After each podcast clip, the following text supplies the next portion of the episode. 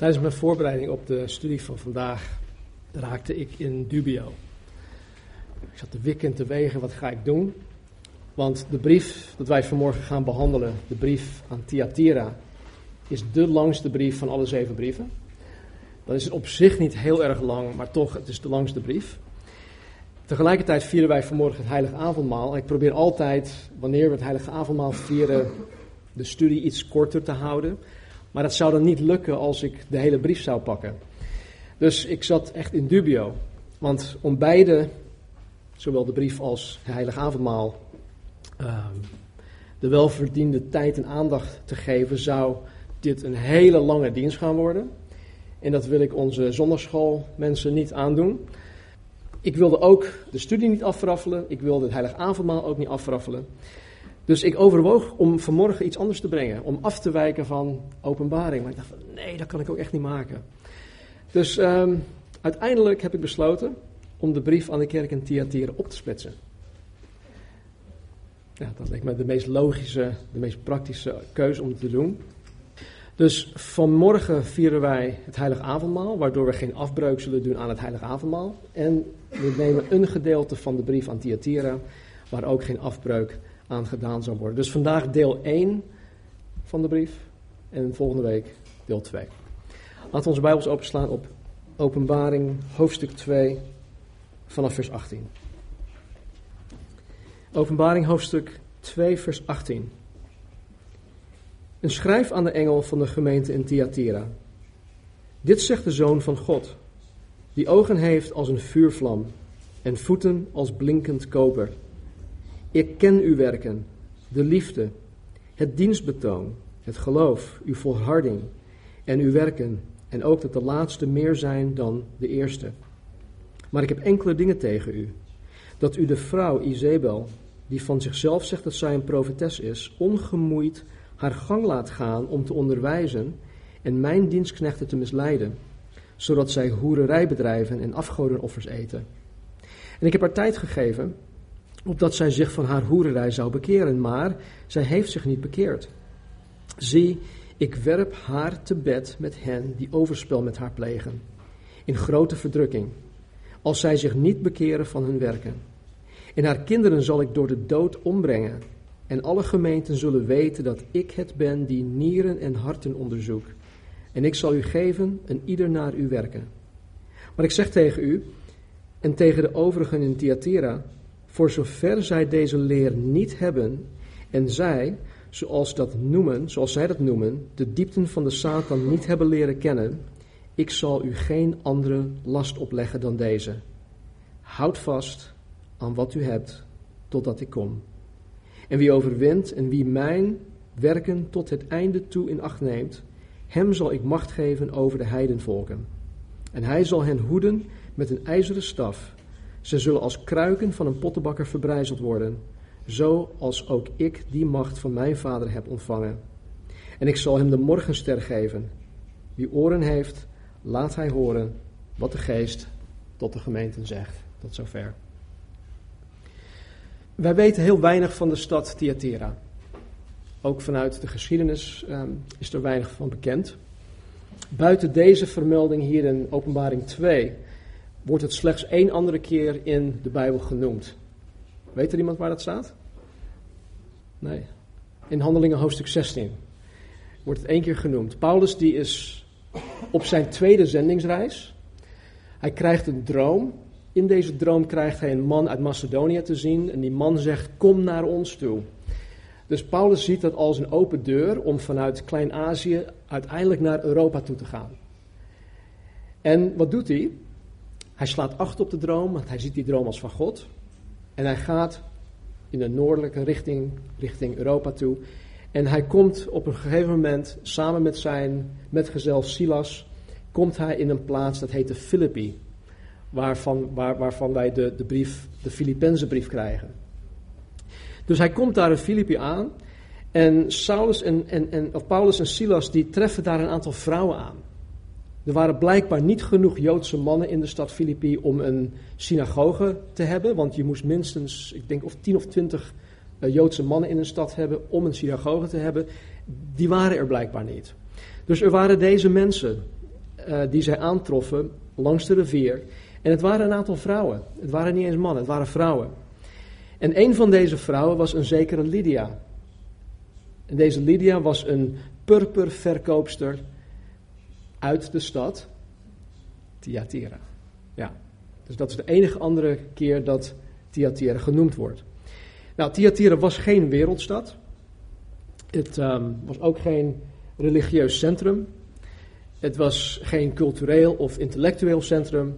En politiek gezien was Thyatira, Thyatira vrij onbeduidend. Het was gewoon ja, niet belangrijk.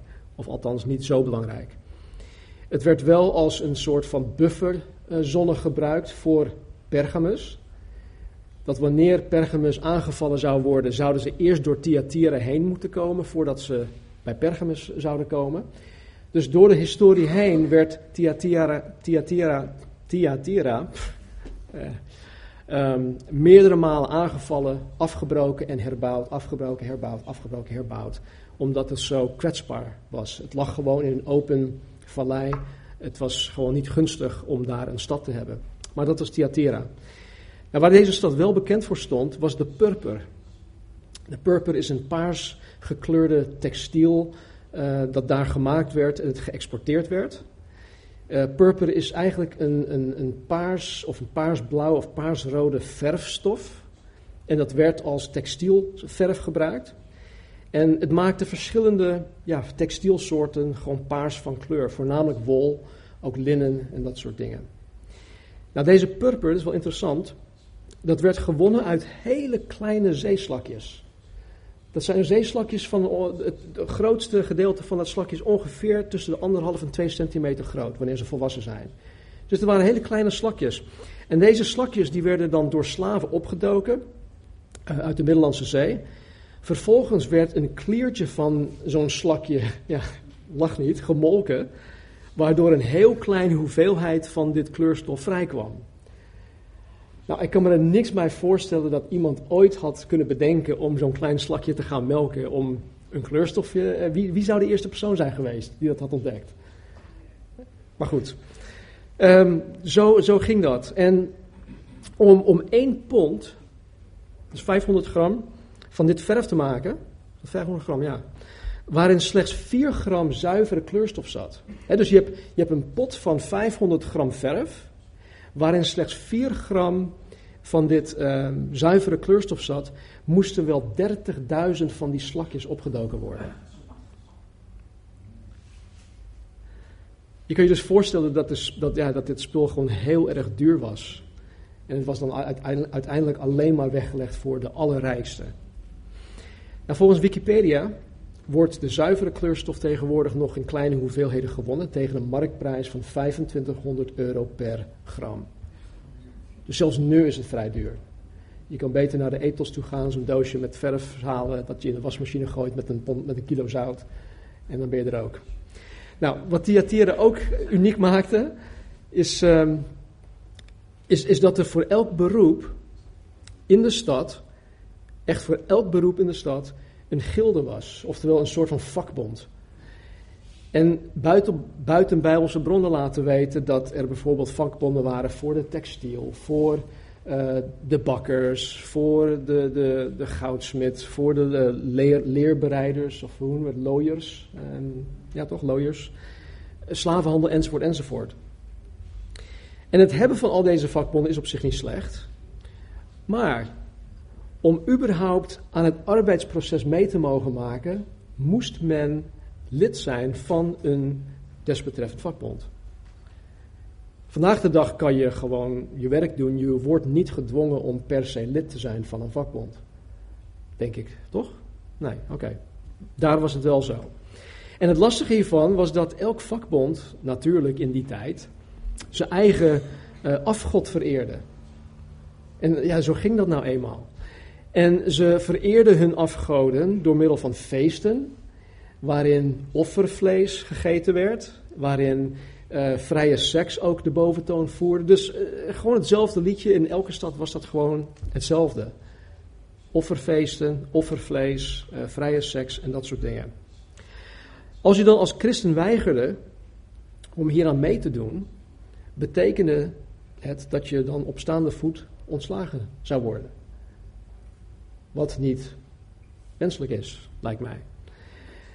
En dit was dus voor de kerk in Thyatira één groot dilemma. Want hoe ging je hiermee om? Hoe ging je hiermee om? Bleef je God gehoorzaam? En bleef je op Hem vertrouwen dat Hij in jouw levensonderhoud zou voorzien? door je aan, aan het woord te houden? Door gewoon nee te zeggen, met de kans dat je dan ontslagen zou worden? Of steunde je op je eigen nuchter verstand, waardoor je compromissen met de wereld moest gaan sluiten? Ik denk dat wij vandaag de dag nog steeds in, in soortgelijke situaties terechtkomen. Het is niet per se dat je offervlees of dergelijke dingen moet gaan eten, of dat je per se meedoet in, in, in seksfeestjes, maar er zijn toch bepaalde dingen die van je verwacht wordt als medewerker, als, als um, werknemer, waardoor je geloof op de proef gesteld wordt. Ik heb toen ik nog in de zakenwereld zat, heb ik tot meerdere malen toe echt tot de Heer uitgezet: Heer, haal me hier alsjeblieft weg. Ik, ik wil dit niet. En ik, ik, ja, ik, heb me, ik heb een gezin, ik heb een hypotheek, ik heb allerlei dingen. Hoe, hoe rijm je dat? Hoe doe je dat? Hoe, hoe ga je daarmee om? Nou, hoe sommigen in deze kerk hiermee omgingen, was voor Jezus Christus één grote zorg. Vandaar dat hij ook zo radicaal optreedt tegen deze kerk. Maar dat zien we volgende week. In vers 18 zegt hij: Schrijf aan de engel van de gemeente in Thyatira. Dit zegt de Zoon van God, die ogen heeft als een vuurvlam en voeten als blinkend koper. Nou, ook deze vierde brief wordt zoals de eerste drie brieven gericht aan de engel, aan de angelo's, aan de boodschapper, de leider van de kerk. En Jezus stelt zich aan deze kerk voor als de Zoon van God. Dus trouwens de enige keer in, de hele, in het hele boek van Openbaring dat Jezus, of dat de term, de titel Zoon van God voorkomt. Alleen hier in deze brief. En dit is bijzonder. Het is ook bijzonder belangrijk, want zoals we volgende week zullen gaan zien, is het noodzakelijk dat Jezus zichzelf uh, jegens deze kerk optreedt, dat hij optreedt als de Zoon van God. Maar dat zien we volgende week wel. Ik kom hier volgende week trouwens op terug, ook op vers 18. Want het is uh, voor volgende week meer van toepassing dan voor vandaag. Vers 19. Ik ken uw werken, de liefde, het dienstbetoon, het geloof, uw volharding en uw werken. En ook dat de laatste meer zijn dan de eerste. Nogmaals, wat ik al eerder had gezegd in de eerste, paar, in de eerste drie brieven. Het kennen. Het kennen van al deze dingen spreekt van een volledige kennis. Jezus heeft een volledige kennis van wat daar gaande is. Alles wat er in de kerk in Thyatira gebeurde, zowel wat in het openbaar gebeurde, als ook wat er in het geheim gebeurde, was bij Jezus bekend. Weet je, wij, wij zijn nou eenmaal mensen. En als wij hier op zondags komen, dan, dan trekken we ons masker aan. Of we doen ons masker op. En dan hebben we ons glimlach. En uh, we doen ons best om, om er christelijk uit te zien. En ja, het gaat goed, prijs de Heer. En uh, goed. Maar hoe zijn wij door de week? Hoe zijn wij als we de auto instappen? En wat ik hiermee wil zeggen is dat Jezus niet alleen weet wat hier gaande is. Jezus weet ook wat gaande is zodra je in de auto stapt. Of wanneer je morgen met je beste vriend of vriendin uh, aan de koffie zit. Of wanneer je, noem maar, noem maar op. Dus Jezus weet gewoon van alles. Hij is van alles op de hoogte. Hij is volledig, um, hij heeft een volledige kennis. En dat geldt dus ook, wat, wat voor hun gold, geldt ook voor ons. Wij mogen, gewoon mogen ervan uitgaan dat Jezus alles van ons weet. En weet je, dit is enerzijds, zoals het hier in vers 19 staat, hartstikke goed. Want Jezus, hij, hij, hij, um, hij, geeft hun een, een, soort van compliment door te zeggen: Ik ken jullie werken, ik ken de liefde, ik ken al die dingen. Het, hij, hij, geeft hun een compliment, ik ben ervan op de hoogte. Jullie doen het hartstikke goed. Dus enerzijds dat Jezus Christus alles van, van mij weet, van ons weet, is gewoon goed. Anderzijds, als je je met minder goede dingen bezighoudt, of als je je met foute dingen bezighoudt, dan weet Jezus daar ook vanaf. En dan wordt zijn alwetendheid ineens een groot probleem voor jou. want ja, er zijn sommige dingen die wij het liefst geheim willen houden. Toch? Maar Jezus weet gewoon alles. Hij doorziet alles. Niets is van hem verborgen. Niets kan van hem verborgen blijven. Maar ook dat zullen wij volgende week gaan zien. Jezus weet dus alles en hij zegt hier: Ik ken uw werken. Ik weet niet of jullie dit, dit is opgevallen, maar het allereerste dat Jezus aan alle zeven gemeenten zegt, en nadat er een omschrijving is, is, is, is van zichzelf, hij die dit, hij die dat, zegt, ik ken uw werken. Dat is gewoon het allereerste wat hij zegt. Het feit dat Jezus dit bevestigt, het feit dat hij dit zegt, bevestigt dat de kerk, de kerk van Jezus Christus, de gemeente van Jezus Christus, werken verricht. Hij zegt dat tegen elke kerk. En de kerk van de eerste, de eerste eeuw, die wist niet anders dan alleen maar, hey, wij, wij moeten goede werken verrichten. Paulus zei ook dat deze goede werken voor ons zijn voorbereid, zelfs voor de grondlegging van de wereld, dat wij daarin moeten wandelen. Dus het feit dat Jezus dit uh, zegt, bevestigt dat de kerk werken verricht. Sterker nog, dat de, werken, dat de kerk werken hoort te verrichten. Want dit behoort tot de functieomschrijving van de plaatselijke kerk. Het verrichten van werken behoort tot de functieomschrijving van de plaatselijke kerk. En hierop beoordeelt Jezus door middel van zijn brieven deze kerken.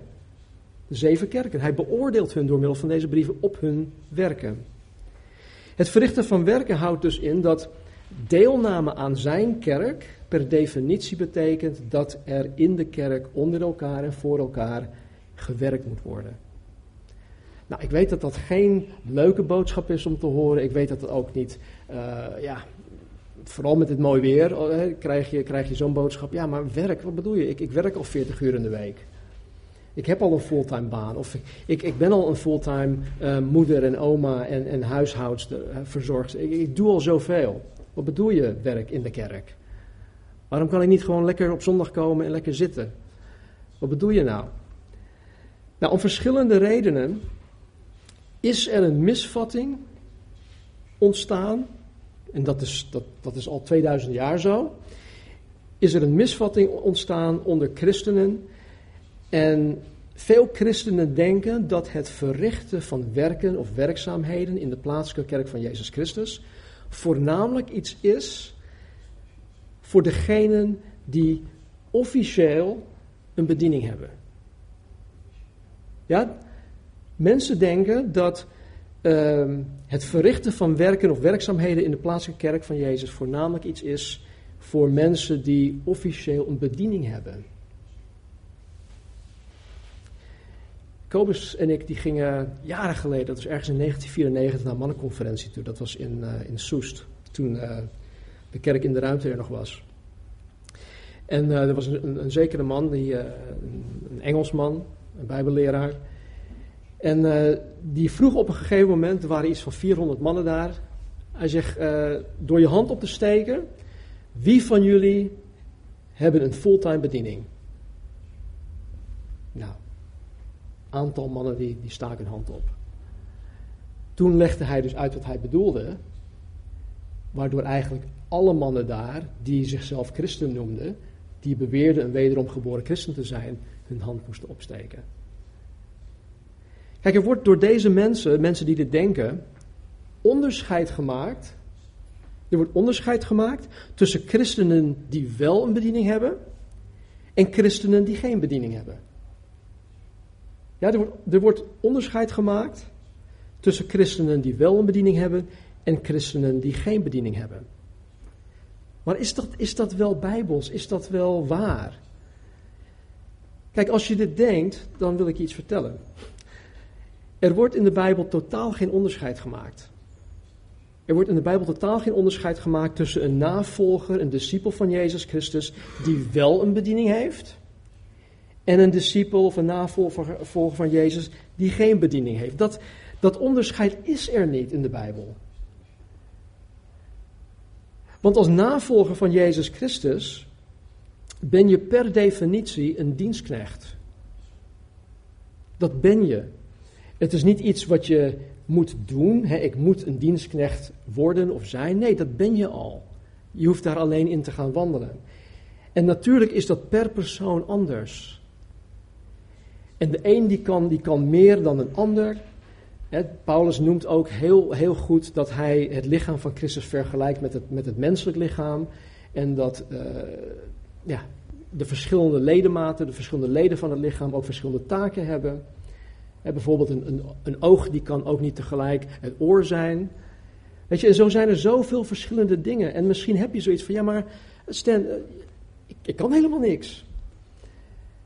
Of ik ben zo beperkt. Mijn tijd, in mijn energie, in, in, in wat ik wel of niet kan doen. Maar er is voor iedereen wel iets weggelegd. En dat zullen we zo meteen ook gaan zien. Als navolger van Jezus ben je per definitie een dienstknecht. En elke dienstknecht wordt geacht in de plaatselijke kerk mee te helpen. Elke dienstknecht wordt geacht in de plaatselijke kerk mee te helpen. Elke dienstknecht wordt geacht in de plaatselijke kerk om bij te dragen, om zijn of haar schouders onder het werk te zetten. Het is niet bedoeld dat kerk zijn een kwestie is van hè, de, de 80-20 regel of de 90-10 regel. Dat uh, eh, 90% van het werk door 10% van de mensen gedaan wordt en de rest zijn toeschouwers. In de wereld werkt het wel zo, maar wij zijn niet van de wereld. Wij zijn van Gods koninkrijk en daar werkt het anders. In de kerk van Jezus is er dus geen sprake van het wel of geen bediening hebben. God geeft ons allemaal een bediening. En dat vindt voornamelijk plaats in zijn gemeenschap. En dat vloeit voort naar buiten toe, naar de wereld om ons heen. Het kan nooit zo zijn dat ik als Eigenheimer, zeg maar, niks te maken wil hebben met de plaatselijke kerk, maar ik heb wel mijn eigen bediening buiten de kerk. Zo werkt dat niet. Dat zie je ook nooit nergens terug in, in, in, in, uh, in, in het boek Handelingen.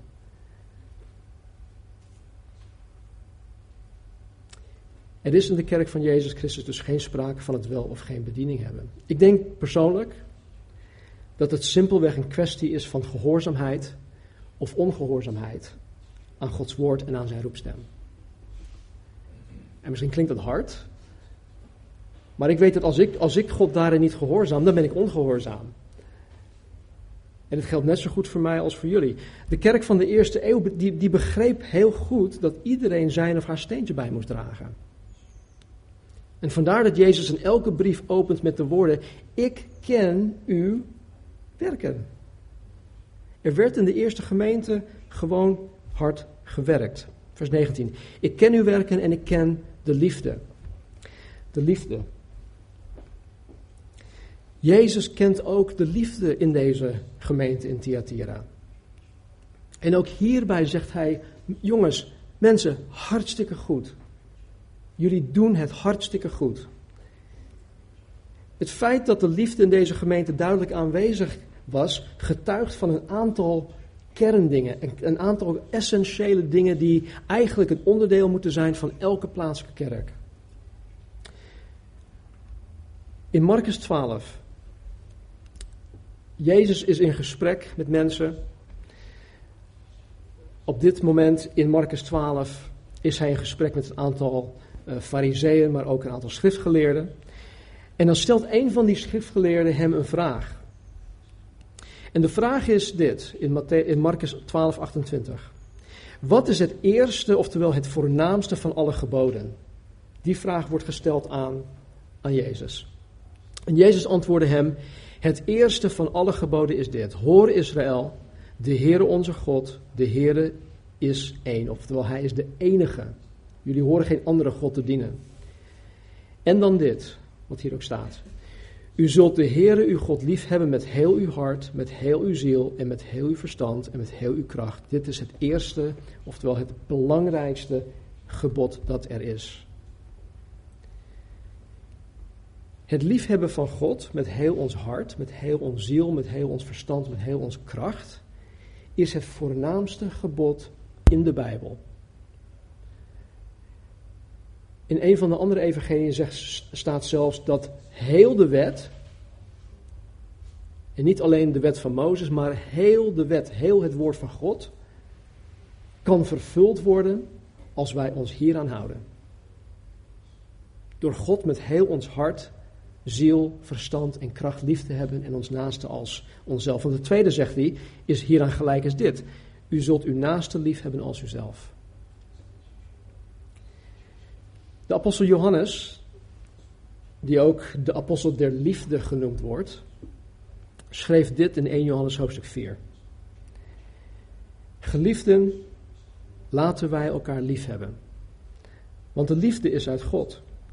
En ieder die lief heeft, is uit God geboren en kent God. Wie niet lief heeft, kent God niet, want God is liefde. Hierin is de liefde van God aan ons geopenbaard. Dat God zijn enige geboren zoon in de wereld gezonden heeft, opdat wij zouden leven door hem. Hierin is de liefde, niet dat wij God lief hebben gekregen, maar dat Hij ons lief had en zijn zoon zond als verzoening voor onze zonden. Geliefden, als God ons zo lief had, moeten ook wij elkaar lief hebben. Ik had het net over een aantal kernzaken, essentiële zaken die in elke kerk aanwezig horen te zijn. Nou, de essentiële zaken waarvan de liefde in de kerk in Thyatira getuigd is, één is dit dat de kerk, of dat deze kerk, God zelf en de liefde van God heeft leren kennen. Deze kerk heeft God leren kennen. Weet je, en dat is zo belangrijk. Want wij, wij kunnen het woord wel kennen, maar God nog steeds niet kennen. Dus God persoonlijk leren kennen is zo belangrijk. En ze hebben de liefde van God leren kennen. En dat is ook heel belangrijk. Het tweede is dat als gevolg hiervan, dus het leren kennen van God en het leren kennen van Gods liefde, deze kerk hier in Thyatira elkaar ook lief heeft. Johannes zegt ook in zijn brief, in 1 Johannes, tot meerdere malen toe, het is niet mogelijk om te zeggen ik hou van God, maar je broer of je zus niet lief te hebben. Dat is onmogelijk. Want dan hou je ook niet van God. Dan ken je God niet. Kijk, de, motivatie om God te dienen, om in de plaatselijke kerk mee te helpen, want daar hebben we het nu over. Om in de kerk je bijdrage aan het werk te leveren. Om uh, in de kerk je schouders onder het werk te zetten. Dat komt voort uit de liefde van God en het komt voort uit jouw liefde voor God. Het is eigenlijk een, een respons op de liefde van God die jij hebt leren kennen. Het is een respons op jouw kennis van God dat je Hem wil dienen. Mijn antwoord op de liefde dat God voor mij heeft is dankbaarheid. En vanuit mijn dankbaarheid wil ik gewoon niets anders dan Hem dienen. Ik, ken niks anders. Ik weet niks anders. Ik, ik wil niks anders. En wanneer ik de liefde van God heb leren kennen, dan is het gevolg daarvan dat ik in de plaatselijke kerk voor Hem aan de slag wil gaan. En dan maakt het totaal niet niets uit wat ik voor Hem mag doen. Weet je, de kerk, die krijgt best wel wat slechte PR tegenwoordig. Maar weet je, in de ogen van Jezus is de kerk, zijn bruid, nog steeds zo mooi als 2000 jaar geleden toen hij haar eerst had, zeg maar, ontmoet, tussen aanhalingstekens. En ik weet hoe het met jullie zit, hè, mannen, mannen die getrouwd zijn. Als iemand lief is voor Marnie, dan doet dat mij heel, heel veel goed. Dat raakt mij ook. Als iemand lelijk doet tegen haar, dan raakt het mij ook. Weet je, en, en de bruid van Christus, dat zijn wij. Wij die Jezus Christus koste wat kost willen navolgen, wij, maken on, wij, wij, wij zijn een onderdeel van de bruid van Christus. En het is juist zo mooi dat um, wanneer wij die liefde van God hebben, hebben leren kennen, dat wij de liefde aan zijn bruid willen tonen. Jezus is hier niet fysiek. Ik kan niks fysiek voor hem doen. Ik kan niet zeggen van Heer, ik wil je een broodje maken. Of ik wil dit voor je doen. Ik wil dat voor je doen. Nee, maar we kunnen dat wel voor elkaar doen. En Jezus stelt dat op prijs. wanneer wij elkaar lief hebben, wanneer wij elkaar ook op die manier dienen. En dan maakt het echt niet uit wat ik voor hem mag doen. De apostel Paulus zegt dit over dit onderwerp. In 2 Korinthe 5, 14 zegt hij dit. Even hoor. De liefde van Christus dringt ons. De liefde van Christus dringt ons. Met andere woorden, de liefde van Christus, de liefde van God dat aan Paulus geopenbaard werd, dat Paulus heeft leren kennen, verplichtte hem. Die liefde verplichtte Paulus, die liefde dwong hem, het bewoog hem, het zette hem onder druk. Die liefde van God zette hem aan tot het dienen van de kerk in Korinthe, dat zegt hij zelf. De liefde van God dringt ons, de liefde van Christus dringt ons, dringt mij, zegt hij. Terug naar vers 19. Ik ken uw werken, ik ken de liefde, ik ken het dienstbetoon. Jezus kent hun dienstbetoon. Nou, zoals de liefde van God de drijfveer is om in zijn kerk werken te verrichten, is liefde voor elkaar de drijfveer tot dienstbetoon. Ja, liefde voor elkaar is de drijfveer tot dienstbetoon. Dienstbetoon is trouwens een heel breed begrip, waaronder allerlei verschillende zaken hangen. Maar waar het uiteindelijk op neerkomt is dit. Als er iets dat gedaan moet worden, dan doe ik het. Als er iets is dat gewoon gedaan moet worden, dan doe ik het gewoon. En nogmaals, dan maakt het echt niet uit wat het is. Hè? Het moet wel binnen je bekwaamheid zijn, maar goed, uh, al is het niet binnen je bekwaamheid, doe een poging of doe iets geks. Maar het gaat om de bereidwilligheid, het gaat om je hartsgesteldheid. We hadden ooit een, uh, een zendeling die ons hielp. Het was in uh, 95, 96, zoiets. Er was een jongeman, die was 23 jaar oud. En zijn insteek was: ik wil de beste dienstknecht zijn die ik kan zijn. En wat hij meekreeg van zijn voorganger in de States, dat was trouwens David Guzik, die sommigen van jullie kennen, is dit. Hij zegt, je moet oog hebben voor zaken, voor dingen, voor mensen. En als je een nood ziet, moet je daar bovenop springen. Met andere woorden, als er iets is dat gedaan moet worden, doe het. Dat is dienstbetoon. Dienstbetoon um, ja, doet niet moeilijk. Je, wij mensen doen vaak zo moeilijk. Maar dienstbetoon doet niet moeilijk, het is onvoorwaardelijk. Dienstbetoon is niet afhankelijk van je bekwaamheid. Het is afhankelijk van je hartsgesteldheid. Dienstbetoon gaat ook uit van de ander. Het gaat dwars tegen je egoïsme in. Want ik wil liefst gediend worden. Mijn eigen ik.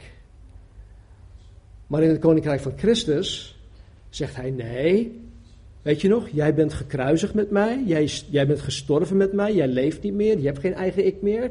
Jij hoort nu te leven voor de ander. Dus dienstbetoon gaat uit van de ander. En het doel van dienstbetoon is om de ander te helpen om zich geestelijk te ontwikkelen en te ontplooien. Dienstbetoon, of het doel van dienstbetoon, is om de ander te helpen om zich geestelijk te gaan ontwikkelen en te ontplooien. Het doel van dienstbetoon is ook om, om een ander te helpen om zijn of haar dienstbetoon ten volle uit te kunnen oefenen. Snap je? Dus het, het, is, het is iets dat zo mooi is. Het is zo gaaf hoe dat allemaal werkt. En daarom neemt Paulus ook het, het, het, het voorbeeld van het menselijk lichaam. Alles in, het mens, in een gezond menselijk lichaam werkt ten goede van het geheel. Er is in een, in een gezond menselijk lichaam is er geen enkel cel die egoïstisch is. Die zegt van nee, ik doe toch mijn eigen ding. Er is wel een, een conditie dat ontstaat in een menselijk lichaam. Dat heet kanker. Als kanker zich gaat ontwikkelen in, in je lichaam, dan, dan, dan is dat het enige wat, wat belangrijk is. En dat dient de rest van het lichaam niet. Maar in een gezond lichaam dient elke cel het geheel. En dat is dan ook de bedoeling. Het doel van dienstbetoon is om de ander te helpen om zijn of haar dienstbetoon ten volle te kunnen uitoefenen. Om even een voorbeeld te noemen. Ik heb een, uh, ik heb een, uh, een medische conditie. Ik heb een uh, trage schildklier. Dat is gevolg van een ziekte dat heet Hashimoto.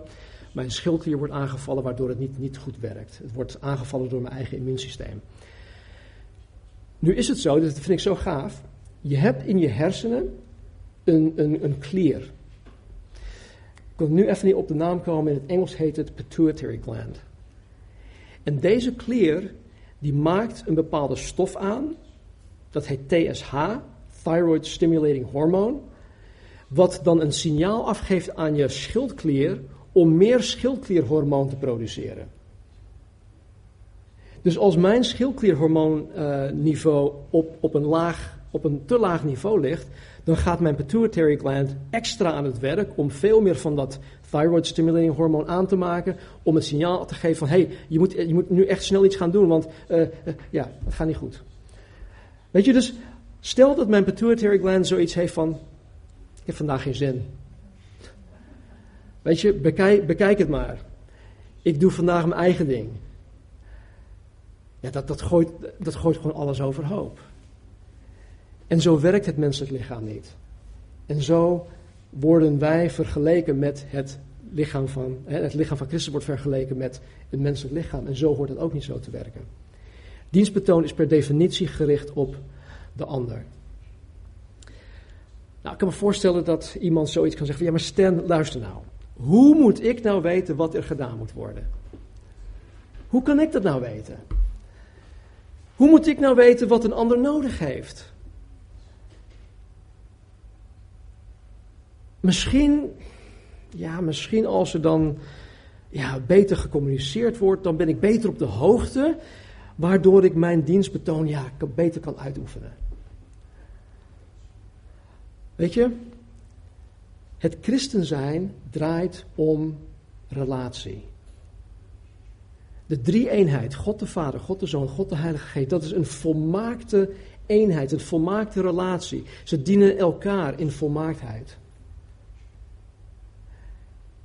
En het christen zijn draait om relatie. Relatie met Hem, relatie met elkaar. En wij als kerk, even om een voorbeeld te noemen, bieden de mensen van deze kerk twee officiële ontmoetingsmomenten waaraan, of waarin je relaties met elkaar kan aanknopen. Waarin je elkaar en elkaars noden kan leren kennen. Maak hier dan ook gebruik van. Weet je, um, ik weet niet alles. Ik weet sommige dingen. En, en de manier waarop ik dingen te weten kom, is als iemand mij die dingen vertelt. Jullie ook of niet? Of werkt het bij ons bij jullie? Hebben jullie een soort van link met elkaar? Nee, het moet dus gecommuniceerd worden. Als ik niet met Peter praat, of als Peter, Peter bijvoorbeeld niet zegt van joh, ik ben zo moe vandaag, kan je voor me bidden? Dan heb ik geen flauw idee dat Peter gebed nodig heeft. Dan heb ik geen flauw idee dat Peter uh, oververmoeid is wegens zijn 30 uh, overuren van de week. Weet je dus, relatie. Het gaat erom dat wij in contact zijn met elkaar.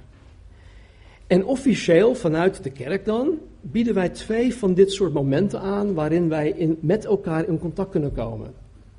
Om A, of een relatie met iemand aan te knopen, of B, als je eenmaal een relatie hebt, om dat te gaan versterken, om op te bouwen. Maak er dan gewoon gebruik van. Weet je, daarbuiten ligt de verantwoordelijkheid ook gewoon bij jezelf. De verantwoordelijkheid ligt echt bij jezelf. Zoek elkaar op. Zoek elkaar op. Jullie kennen de, de, de term buurten, toch? Ga lekker buurten met elkaar. Ga bij elkaar op de koffie, al is het voor een uurtje. Ga een kopje koffie drinken met elkaar, sla de Bijbel open, open je hart voor elkaar. Weet je, het, het, het zal je zoveel goed doen. En dan niet, niet klagen, niet over negatieve dingen hebben, maar gewoon Wat leeft er in je hart? Wat kunnen we daaraan doen? Wees daar echt proactief in. Jezus kende het dienstbetoon van de kerk in Thyatira en hij bevestigt deze kerk daarin. Hij zegt nogmaals, jongens, goed, echt, jullie doen het super. Ik ken uw werken, de liefde, het dienstbetoon, ik ken het geloof. Jezus kende hun geloof en hun geloof in, in, in, in Hem, in God, en hun geloof in elkaar. Het klinkt misschien raar, maar wij horen ook in elkaar te geloven. Wantrouw, dat is het tegenovergestelde daarvan. Argwaan, dat is ook het tegenovergestelde daarvan. Geloof in elkaar. Kijk, de Bijbel leert ons in Hebreeën dat zonder geloof, het geloof in God, het onmogelijk is om God te behagen. God stelt het echt op prijs wanneer zijn kinderen in hem geloven. Logisch, toch? Hij stelt het zeer op prijs wanneer zijn kinderen in hem geloven en, en op hem vertrouwen. En naast het geloof dat redding brengt, is het van essentieel belang dat mensen in de kerk ook geloven dat Jezus Christus zijn kerk leidt, dat Hij het hoofd is, dat Hij zich daarmee bemoeit. Dat wanneer de kerkleiding bijvoorbeeld uh, ja, dreigt van het pad af te gaan, dat Hij hen een corrigerende tik geeft, laat ik het even zo noemen. En daar bid ik ook echt voor, Heer, houd me kort, ik wil niet van het pad afgaan. Help ons. Het is dus belangrijk dat wij geloven dat Jezus Christus zijn kerk leidt. Dat Hij eigenlijk alles onder controle heeft en dat Hij als het hoofd van de kerk zuiver en alleen het allerbeste voor ons allemaal voor ogen heeft. Als je hierin geen geloof hebt, dan zal je ook geen werk gaan verrichten. Echt niet. Dan zal je ook minder in de collectezak gaan doen dan zal je ook minder overschrijven. Of helemaal niks meer gaan overschrijven. Snap je? Dus geloof is belangrijk. En uh, absoluut niet geloof in mij hoor. Dat, dat, dat zeg ik niet. Natuurlijk moeten we in elkaar geloven, maar je moet je geloof niet in mij stellen. Want als je, als je hierin gewoon geen geloof hebt, dan zal je ook liefdeloos gaan handelen naar elkaar. En dan zal er zeker geen sprake zijn van dienstbetoon. Want dan, dan, dan, dan word je egoïstisch. Ongeloof maakt, mens, maakt de mens egoïstisch, op zichzelf gericht. Ongeloof veroorzaakt dat je alleen maar bezig bent met jezelf.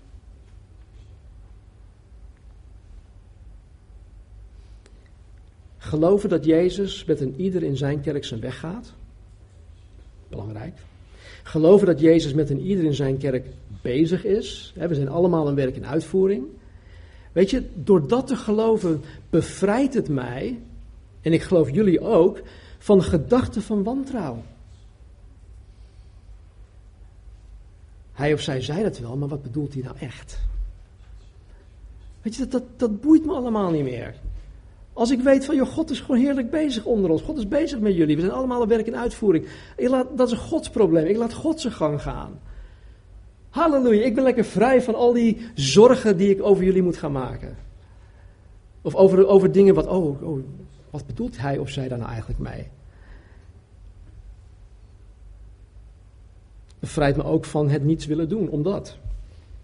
Ja, ik doe dit niet, want. Geloof is goed. En Jezus erkent hun geloof. Ik ken uw werken, de liefde, het dienstbetoon, het geloof. Ik ken uw volharding. Jezus kent hun volharding. Weet je, volharding, dat is iets dat per definitie moeilijk is. Het is moeilijk. Volharden is moeilijk. Oké, laten we daar gewoon van uitgaan. Want er is volharding nodig wanneer. Er, er, is, um, er is volharding nodig juist wanneer dingen moeilijk gaan. Er is geen volharding nodig wanneer alles van een leien dakje gaat. Toch? Gaat alles vanzelf. Nee, volharding is juist nodig wanneer er tegenstand is. Volharding is nodig wanneer alles fout lijkt te gaan. Volharding is nodig wanneer alles tegenzit. En wanneer je denkt dat de Satan de overhand krijgt. Wanneer de hypotheek betaald moet worden en je hebt geen geld. Dan moet je volharden. Ik hoor niet gelovige mensen wel eens zeggen dat het christendom voor slappelingen is. Het christendom is voor slappelingen. Waarom? Omdat deze slappe of zwakke mensen hebben een, een, een zogenoemde kruk nodig waarop zij kunnen steunen. En hun geloof in Jezus Christus is dan de kruk waarop zij kunnen leunen en steunen. Nou, ik weet echt niet waar, waar zij het over hebben. Want wat ik in de Bijbel lees over Jezus, over Paulus, over Stefanus, over Petrus, over Johannes, dat overtuigt mij dat deze mannen absoluut geen zwakke mannen waren. Dit waren absoluut geen slappelingen. Dit waren geen mietjes. Zij en nog veel meer mensen in de Bijbel wisten tot de dood aan toe te volharden voor hun geloof in Jezus Christus. In mijn beleving is het christen zijn absoluut niet voor de zogenoemde slappelingen of zwakke mensen. Christen zijn is in mijn beleving niet voor. Mag ik watjes zeggen? Watjes, mietjes, watjes, ja? Oké, dat. Want christen zijn vereist nou eenmaal volharding. Het vereist doorzettingsvermogen. Het vereist vastberadenheid. Koste wat kost. Om het even te betrekken op de mannen. Christen zijn is gewoon heel plat gezegd voor, elke, voor echte kerels. Christen zijn is voor echte kerels. Christen zijn is voor mannen en vrouwen uh, met ruggengraat. Je hebt ruggengraat nodig om christen te zijn. Jezus erkende de volharding in de gemeente in en daarom noemde hij dat in de brief. En hij zegt, mensen, Jullie doen het uitstekend. Ik ken uw werken, ik ken de liefde, het dienstbetoon, het geloof, uw volharding en uw werken. En ook dat de laatste meer zijn dan de eerste. Jezus zag ook de voortgang en de vooruitgang, de progressie in deze kerk in Thyatira. Er zat progressie in. Door in Jezus' naam en omwille van zijn naam goede werken te verrichten, kwam de liefde tot uiting in deze goede werken. De liefde kwam tot uiting in het dienstbetoon, in het geloof en in het volharden in al deze zaken die we vandaag genoemd hebben. En in deze gemeente werd het alleen maar meer. Ze groeiden daarin. Want Jezus zegt hier dat de laatste meer zijn dan de eerste. De laatste werken, wat dus later gebeurde, was gewoon meer dan wat zij aan het begin deden. Dit kan ook een additionele betekenis hebben. Het woord laatste betekent ook het minste. Weet je, de, de gezegde, laat de laatste de eerste zijn, de eerste de laatste. Het woord laatste betekent ook het minste, betekent ook in dit geval het minst aanzienlijk of het minst vooraanstaand. Dit zou kunnen inhouden dat deze gemeente juist bleef groeien in de goede werken die het minst prominent waren. We hadden het een paar weken geleden in ons leiderschapsteammeeting over ehm, over de kinderbediening. En, uh, en Ralf haalde iets aan. Hij komt zelf uit een hele grote gemeente uit de regio Rotterdam. En hij heeft daar leiding gehad over 150 uh, kinderbedieningmedewerkers. En hij zegt: Het maakt niet uit of je een kleine kerk bent of een grote kerk. Het is altijd zo dat een, een, een klein percentage van de kern het meeste werk verricht. En een groot percentage die doet, ja, die, die doet daar niet zoveel mee. En wat hij dan zei was, ja kijk, want het kinderwerk, dat gebeurt allemaal achter de schermen. Veel mensen, en dan bedoel ik niet geestelijke mensen, maar vleeselijke mensen, ja, die willen op het podium gaan staan. Het podium, dat is het meest vooraanstaande, dat is de meest prominente plek waar iemand wil, zich wil gaan profileren. Weet je, en, en, en dat is dan Ehm, ja, de plek waar mensen willen, willen, willen staan. Maar in deze gemeente staat er juist dat zij bleven groeien in goede werken die het minst prominent waren. En dit zijn vaak de goede werken waarvan de meesten in de kerk niet eens bewust zijn. De minst prominente werken zijn vaak de werken waarvan de meeste van jullie niet eens bewust zijn. Jullie hebben geen flauw idee dat ze überhaupt gebeuren. Om eens een voorbeeld te noemen. Veel van de dingen die Marnie en ik, of de werken die Marnie en ik tussen de zondagen in doen, hebben jullie geen weet van. Toch? Nee. En veel van de werken die sommigen van jullie tussen de zondagen in doen, heb ik geen weet van. Ik hoef ook niet alles te weten. Jullie hoeven ook niet alles van mij te weten. Het belangrijkste is dit: Jezus weet het.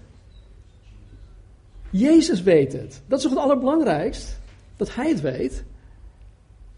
En Hij zegt: Ik ken uw werken. En ook dat de laatste meer zijn dan de eerste. Nou, voor wat betreft zijn houding, Paulus' houding in het willen dienen van de kerk in Corinthe, zegt hij dit nogmaals: De liefde van Christus dringt mij. Paulus was absoluut niet religieus. Hij was niet religieus. Wat ik daarmee bedoel is dit. Paulus was iemand die een intieme, persoonlijke relatie had met zijn Heer en Meester. Religie is heel wat anders. Hij was niet religieus. Paulus had heel goed door hoeveel Jezus van hem hield en wat het Jezus gekost heeft om zijn liefde aan Paulus te kunnen tonen. Het staat er even bij stil. Hij wist heel goed hoeveel het Jezus gekost heeft om zijn liefde aan Paulus te kunnen tonen. Wat heeft het hem gekost? Wat heeft het Paulus, wat heeft het Jezus gekost om zijn liefde aan Paulus en aan ons te kunnen tonen. Ten eerste legde hij zijn heerlijkheid af in de hemel. Hij werd een van ons. En hij is de, de, de meest erge ja, executie, onder, uh, executie ondergaan. De kruisdood. Dat heeft het Jezus gekost om zijn liefde aan jou en aan mij te tonen. Nou, we afsluiten met iets uit Hebreeën, Hebreeën hoofdstuk 10. Hebrews 10, sorry, verse 1. Hebrews 10, verse 1. Paulus spreekt net, of Paulus, de schrijver van Hebreeën spreekt hier over uh, het contrast tussen de wet, tussen het oud offersysteem en het volmaakt offer van Jezus Christus. En er staat, de wet, de wet die slechts een schaduw heeft van de toekomstige heilsgoederen en niet het wezen van de dingen zelf, kan nooit met dezelfde offers die zij jaar in en jaar uit ononderbroken brengen, hen die naderen tot volmaaktheid brengen. Met andere woorden, de offers die de Joden jaarlijks brachten, konden de mensen niet tot volmaaktheid brengen. Zou er anders niet een einde gekomen zijn aan het offeren? Want zij die de dienst verrichten, zouden zich dan in geen enkel opzicht meer bewust zijn van zonde, wanneer zij eens en voor altijd gereinigd waren. Maar nu wordt men door deze offers elk jaar opnieuw aan de zonden herinnerd. Want het is onmogelijk dat het bloed van de stieren en bokken de zonde wegneemt. Daarom zegt hij bij zijn komst in de wereld: slachtoffer en spijsoffer hebt u niet gewild. Hij spreekt tegen God, maar u hebt voor mij, voor mij Jezus, een lichaam gereed gemaakt.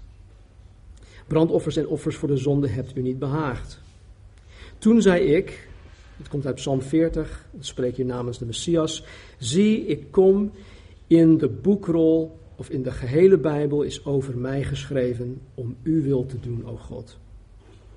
Daarvoor had hij gezegd, slachtofferen, spijsofferen en brandoffers en offers voor de zonde hebt u niet gewild en hebben u niet behaagd, hoewel zij overeenkomstig de wet worden gebracht.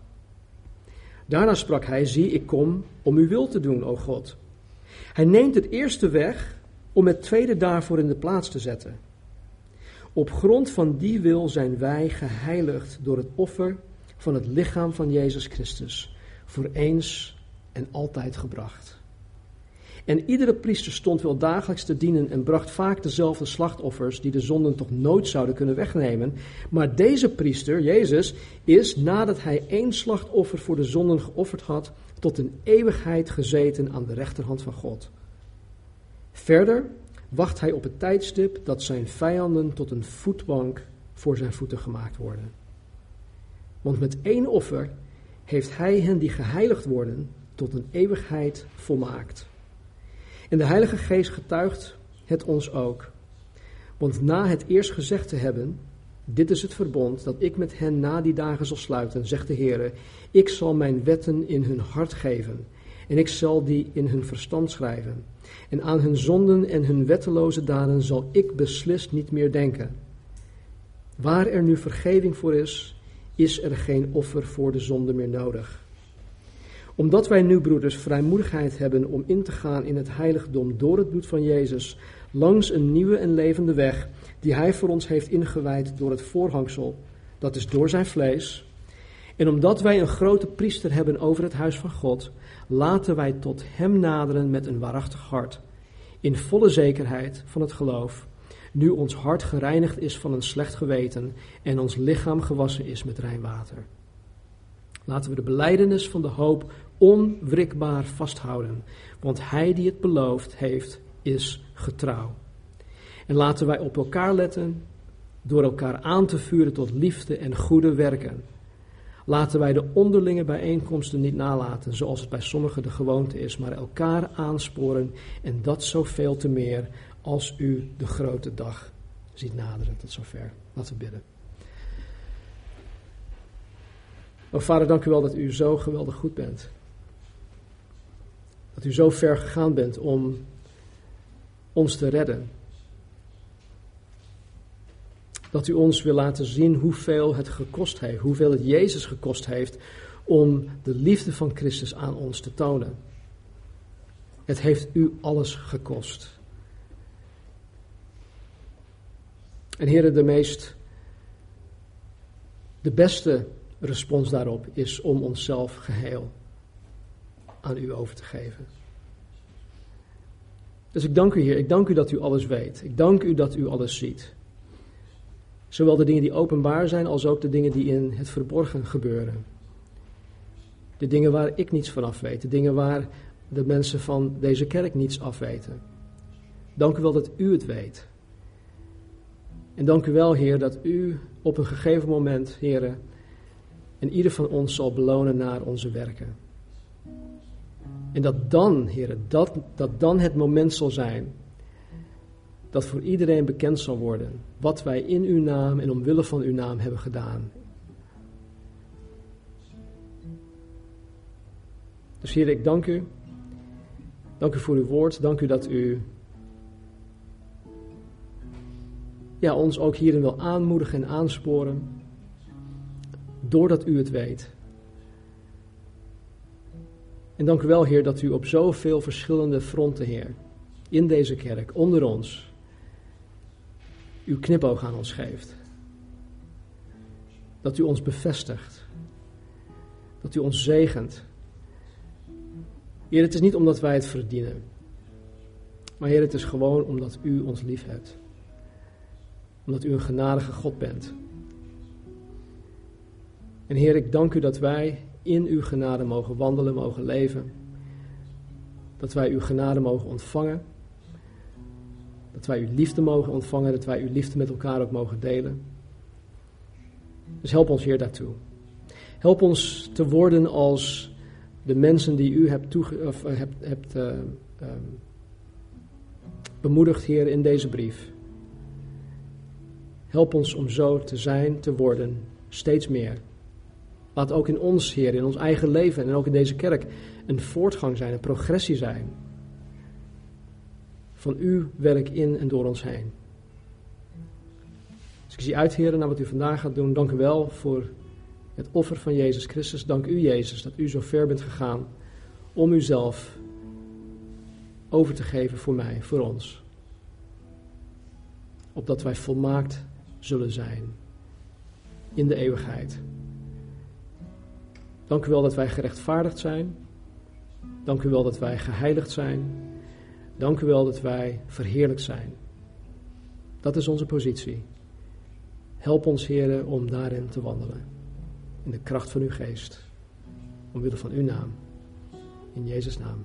Amen. Amen.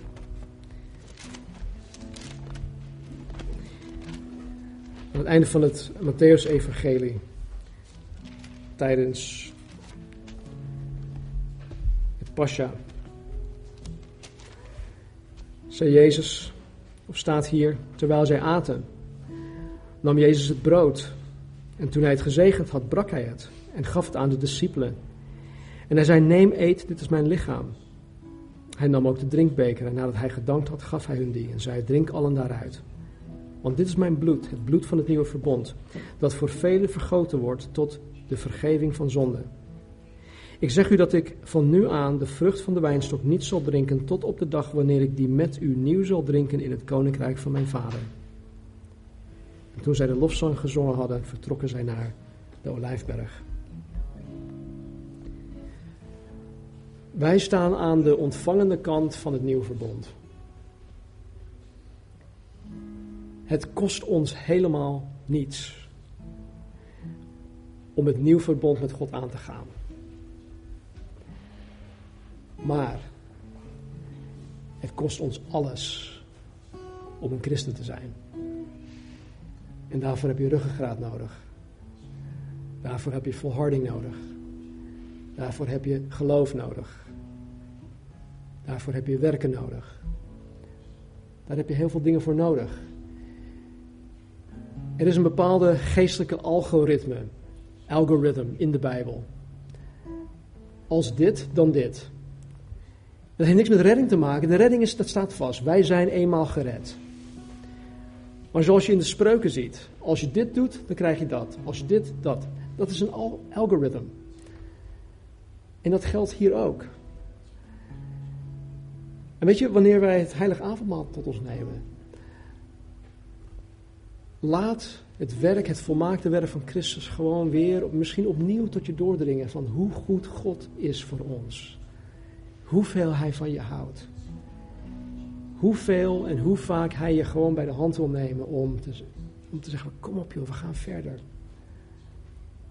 Laat je niet ontmoedigd raken. Of laat je niet ontmoedigd, ontmoedigen door dingen, door mensen, door omstandigheden.